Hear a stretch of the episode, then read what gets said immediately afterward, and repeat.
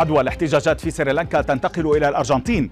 اعترافات جديدة مثيرة لقاتل شينزو أبي وحيلة من أمبر هيرد كي لا تدفع الملايين لجوني ديب.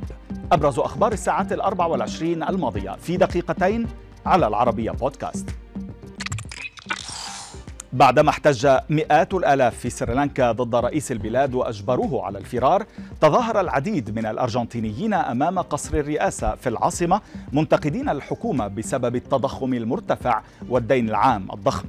وفي كلمة له لمناسبة الذكرى السنوية لإعلان استقلال الأرجنتين دعا رئيس البلاد ألبرتو فرنانديز إلى الوحدة وطلب من مختلف الفصائل العمل من أجل ذلك فيما تواجه الأرجنتين المنتج الرئيس لفول الصويا والذرة تواجه تضخما يتجاوز معدله 60% وضغوطا ضخمة على عملة البيسوس إضافة إلى ارتفاع تكاليف استيراد الغاز التي تستنزف احتياطيات العملات الأجنبية الضعيفة. بالفعل. تفاصيل جديدة كشفتها التحقيقات مع المتهم بقتل رئيس الوزراء الياباني السابق شينزو أبي إذا اعترف المتهم بأنه صنع مسدسات عدة وحاول صناعة قنبلة. الرجل الذي أطلق النار على أبي من الخلف بمسدس محلي الصنع من مسافة قريبة قال للمحققين إنه كان ينوي في الأساس استهداف زعيم جماعة دينية. فيما تواجه الشرطة اليابانية الآن العديد من التساؤلات حول كيفية حدوث واقعة إطلاق النار وأسباب عدم تمكن أولئك الذين يعملون على تأمين أبي من منع الهجوم. في ثاني أيام عيد الأضحى المبارك الموافق لأول أيام التشريق يواصل حجاج بيت الله الحرام شعيرة رمي الجمرات الثلاث الصغرى والوسطى والكبرى بمشعر منى.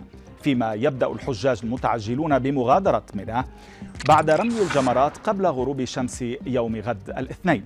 من جهة أخرى كشفت وزارة الصحة السعودية أن الحالة الصحية للحجاج مطمئنة ولم تسجل بينهم أي تفشيات أو حالات مرضية مؤثرة على الصحة العامة داعية جميع الحجاج في أول أيام التشريق إلى تجنب الإجهاد الحراري تفاديا لأي إصابات تتعلق بالإجهاد أو حدوث ضربات شمس. ما زالت الممثلة الأمريكية أمبر هيرد تحاول بشتى الطرق عدم دفع قيمة التعويضات التي أقرتها المحكمة لطليقها جوني ديب إذ طالب محاموها بمحاكمة جديدة في قضية التشهير زاعمين أن الشخص الخطأ خدم في هيئة المحلفين وحكم عليها.